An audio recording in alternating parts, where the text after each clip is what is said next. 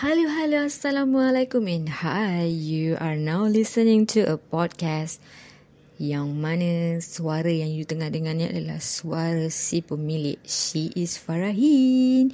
And this is my first episode of my podcast. Hey, wah, dah ada podcast sekarang. Anyway, um, for you guys yang baru first time dengar suara I and you can reach me dekat I punya social media Instagram saya she is Farahin. Saya punya TikTok she is Farahin. Saya punya YouTube she is Farahin. And uh, yeah. Me myself she is Farahin. Your online bestie. Ah gitu. Okay. So dalam episod yang pertama ni I would like to apa yang nak cakap? Saya akan menceritakan tentang my first of uh, saya akan buat journey yang mana daripada hari pertama sehingga hari ke-30 and this is the first episode so as um, biasalah mesti akan jadi episode pertama lah kan and dia adalah berkisahkan tentang start dekat tempat mana yang you paling confident ah gitu okay and Yup, betul. Start dekat tempat mana yang I paling confident sekarang ni. Whereby sebenarnya I buat podcast ni dekat dalam bilik I. And I tak adalah guna barang-barang yang mahal-mahal macam orang uh, orang yang selalu kita tengok podcast tu kan buat podcast yang ada apa siap pakai headphone, siap pakai mikrofon yang canggih lagi kan. No no no, I tak ada. I just pakai Mesti dia macam sedihnya dia punya setup ni kan tapi I tak ada recorded on video lah. I just uh, record my voice sahaja melalui handphone. Ha nampak sedih kan kita. Tapi uh, let's just um, orang kata apa let's just walk the talk. Maksudnya dekat sini um, start dekat mana tempat mana yang paling confident and this is the place where I am comfort. Wah gitu. Speaking speaking pula you all. Okay.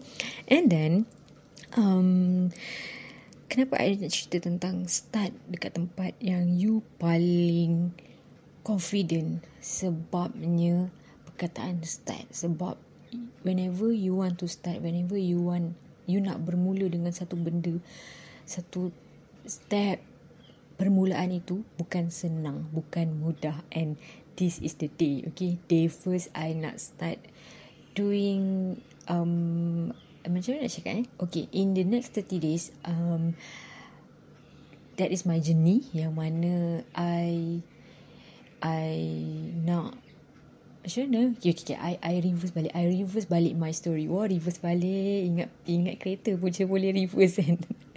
yeah, I I macam like, by the way, by the way, excuse me for that. Okay. reverse balik, reverse balik cerita. Okay, reverse balik cerita. Okay, cerita dia macam ini. Okay. I, I memang, uh, orang kata apa, involved in social media dah lama. Maksudnya dekat sini I dah masuk dalam industri as a influencer. Wah, influencer macam macam macam macam macam over sangat je kan.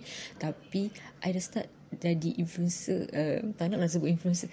I would say okay. First, macam mana I boleh jadi influencer lagi nak sebut kan? okay, okay. Macam ni, macam ni. I dulu-dulu suka tulis blog tau. I dulu-dulu suka tulis blog. I dulu-dulu sebenarnya bukannya suka pun tulis blog. Tapi kawan I yang encourage I untuk buat kawan I yang macam eh babe jomlah buat. Jom I pun buat. And then nak jadikan cerita um, blog adalah tempat I punya it's kind of diary lah. I suka sebab I suka tulis diary. Daripada I kecil I suka tulis diary until um, kantoi dengan ibu I. Sebab ibu I tak, tak suka I tulis diary. Dia kata macam like nanti you you macam terlampau matang sangat But I sekarang dah I dah diary Macam I, I, everything I, Benda hari tu berlaku I akan tulis. I akan tulis yes. So that's why I akan I jenis cepat ingat Apa memories yang berlaku Sebab I tulis dekat I journal it And I document it. Ah macam tu gitu okay? So bila dah ada blog tu I macam like bosan. I macam dah tak tulis lah I dah tak menulis Tapi I banyak kepada menaik lah gitu kan? So I cerita dekat I punya blog. And then 2018 Yang mana waktu tu uh, I macam cakap dengan kawan I I I kawan I seorang tu Dia Dia Dia lah encourage I Untuk masuk dalam Dunia review-review ni lah Sebelum ni I tak faham langsung pun. Okay? And then um, Dia cakap lah Babe why not uh, You start Buat macam ni macam ni, So dia ajar everything. Dia ajar from A to Z Macam mana macam ni. So I macam Oh okay. Oh macam ni rupanya. Oh macam ni punya start Semua. Uh, okay, okay, okay. And then um, throughout the years throughout the the orang kata apa I lalu je lah hari-hari apa review datang apa invitation datang. I I ambil je semua tau. Bayangkan I tak ada filter and I tak ada macam like benda yang free review pun I ambil. Ah macam tu. Benda yang free review tu banyak okay bukan sikit okay. So for you guys yang rasa macam um, influencer ni kaya influencer ni have have sebab dia dapat duit review? No at all. Tak lah tak semua okay um, maybe I bukan orang I bukan the category of influencer yang duit berkepuk-kepuk. Ah gitu. I kategori influencer yang biasa-biasa. Ah gitu kan? Okay. And then um, I rasa macam dah du, uh, tu tahun 2018 and I macam bad lah 2019 uh, lepas tu lepas tu dah COVID, PKP 2020, 2021 saya macam um, on off on off on off. And then 2022 I I macam like Wait a minute I buat apa eh Dekat I social media sekarang ni? I macam like At the moment yang I rasa macam I'm just wasting my time Main social media. Seriously I Ada moment itu Okay? Until um, Berapa bulan eh I off I punya social media? Lima bulan I think. I tak main social media. I macam like ah, I uninstall I punya Instagram um, I uninstall eh, I punya Instagram bayangkan. So macam what kan? So macam sekali and I don't even care what kawan-kawan I yang keep on review lah benda semua I dah tak ambil tahu pasal orang waktu tu. Until um, I suka tengok Twitter tau. Twitter I suka cari knowledge sorry, sorry, I rephrase back my words I suka cari knowledge dekat Twitter. Sebab Twitter adalah tempat macam uh, it's like an online library. Uh, it's like an online library kepada saya macam perpustakaan tapi di secara maya. Sebab saya suka baca social sharing. Kalau you suruh I baca buku sorry please try again later. I memang tak boleh. Tapi kalau baca um, social sharing I suka. Uh, macam tu. So until lah I jumpa uh, his name is Dr. Nashikul and dia yang discover I punya potential. Like I cakap dengan dia I I tak I, tak tahu apa benda yang I nak buat. I'm kind of buntu gila dengan apa benda yang I nak buat sekarang. I, I, and I'm really scared of my future sebab I dah 3 series okay? And Dr. Nashikul cakap dengan I dia cakap macam ni tau. Benda tu lah yang I macam ingat. Start at what you paling confident. Start dekat tempat mana yang you paling confident. So I macam fikir Oh kan? I macam dah beberapa tahun ikut dalam industri social media. I manage social media. I tahu macam mana nak uh, upload video. I tahu macam mana nak edit video. I tahu macam mana nak run the content. I tahu macam mana nak buat storyline. I tahu I tahu semua-semua. Nak kata all out uh, Paling pro tu tak lah. Tapi Kalau orang-orang yang biasa kan uh, nak bercakap tentang konten tu I boleh I boleh bagi tahu dekat orang oh you kena buat konten macam ni. Oh you kena buat personal branding macam ni. Oh you kena edit video macam ni. I boleh buat benda tu. I can um, share that knowledge okay? And then uh, Dr. Nasheed kata cakap cakap eh why not you buat benda tu eh? You macam you try like you try like I macam I macam ha ada ke orang nak? Ada ke orang nak nak tahu pasal I, apa yang I buat selama ni kan. And then um, it goes back I try lah macam like um, biasa-biasa je macam post everything dekat punya WhatsApp lah dekat punya Instagram lah dekat punya Twitter. And then rupanya ada juga orang nak tahu. I macam like wow rupanya ada rupanya orang yang memerlukan rupanya knowledge-knowledge macam ni. Sebab tak semua and I macam ingat macam sebab apa tahu sebab kita berada dalam dalam tahun yang kita dah selesa kita dah comfort tahu cuba kalau I patah balik diri I yang tahun 2000 2018, 2017 tu yang macam I baru nak up. Orang kata BBNU gitu. Mesti I macam, I pun macam orang biasa juga. Tercari-cari, eh macam mana?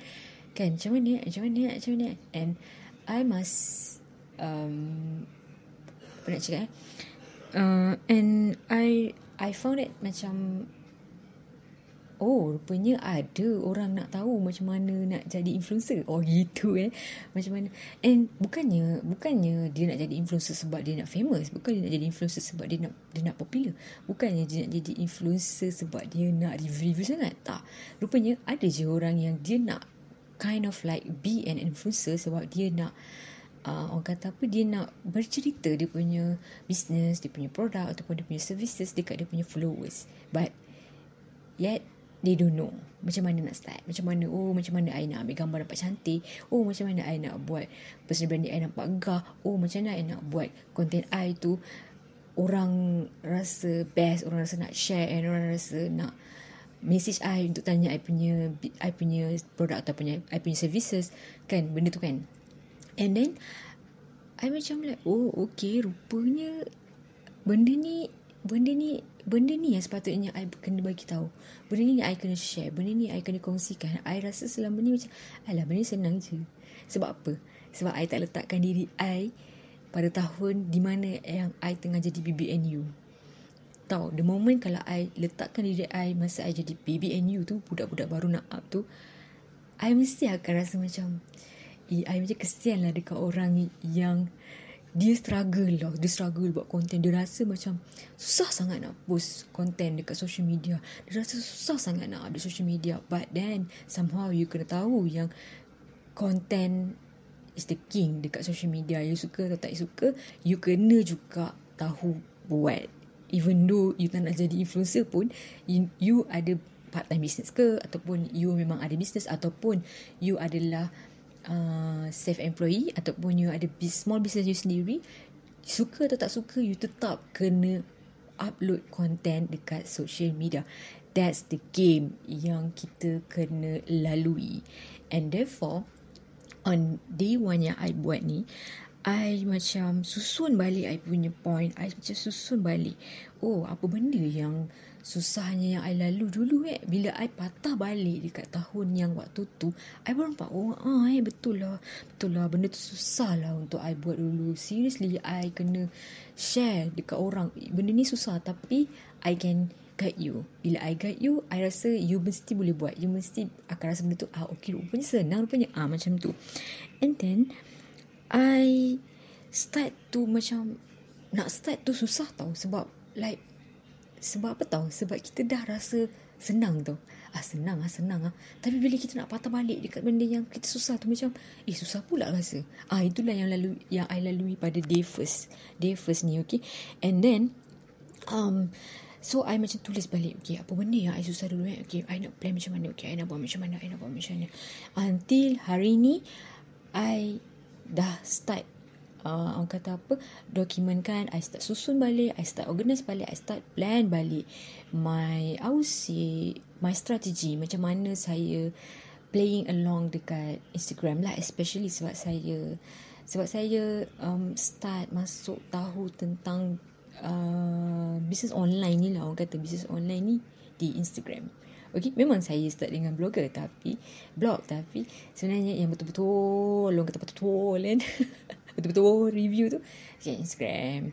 So uh, saya fikir macam okay there's something there's something I memang I kena I kena share juga. Ni kalau I tak share ni I akan nampak ramai sangat-sangat orang yang akan rasa susah dan struggle macam mana I rasa dulu.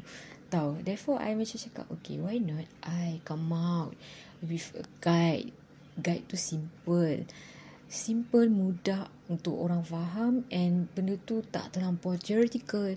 Tapi benda tu yang easy going. Benda tu yang macam Uh, macam kawan-kawan tengah cakap macam I tengah cakap dengan you macam Bestie buat ni Bestie Bestie kenapa tak upload content? Bestie benda ni senang je. You just upload je. Bestie this is the plan. Yeah, Bestie Bestie you guna macam ni je. Bestie you guna benda ni je. Confirm boleh buat. Macam tu. Okay?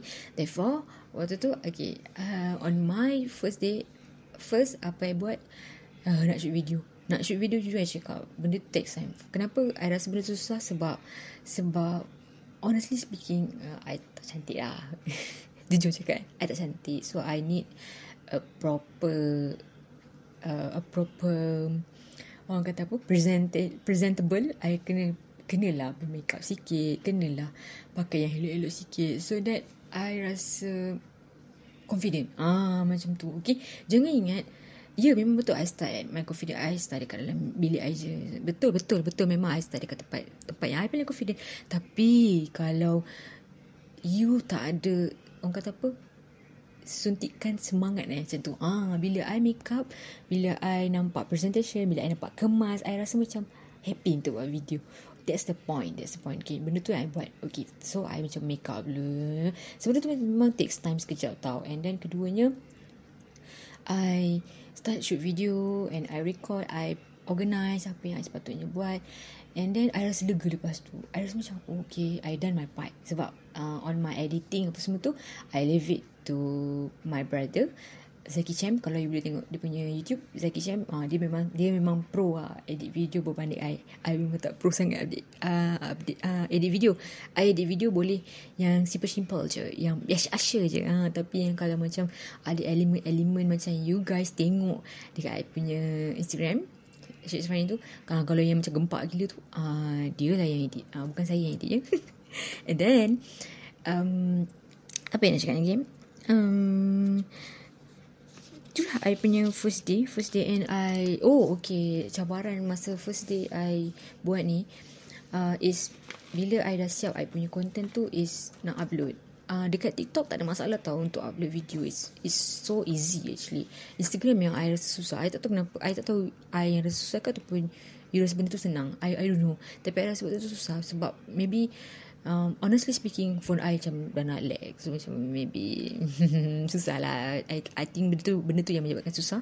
And uh, I baru I macam like okay video I 2 minit. And then I nak post kat I nak post kat reels lah kan sebab I baru uh, I perasan oh reels 1 minit 30 saat aja tapi video I 2 minit.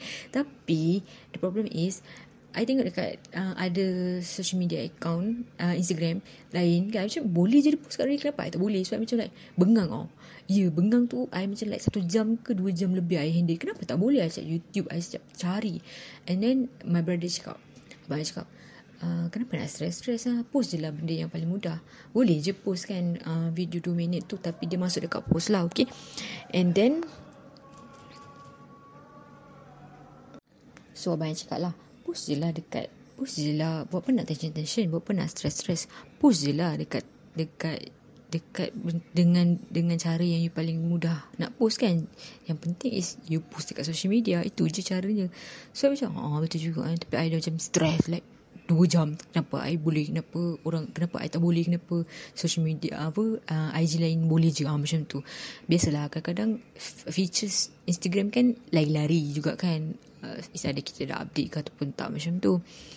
So my point is um, always always kadang-kadang kita ni kan macam benda yang kita tak perlu nak stress pun sebenarnya.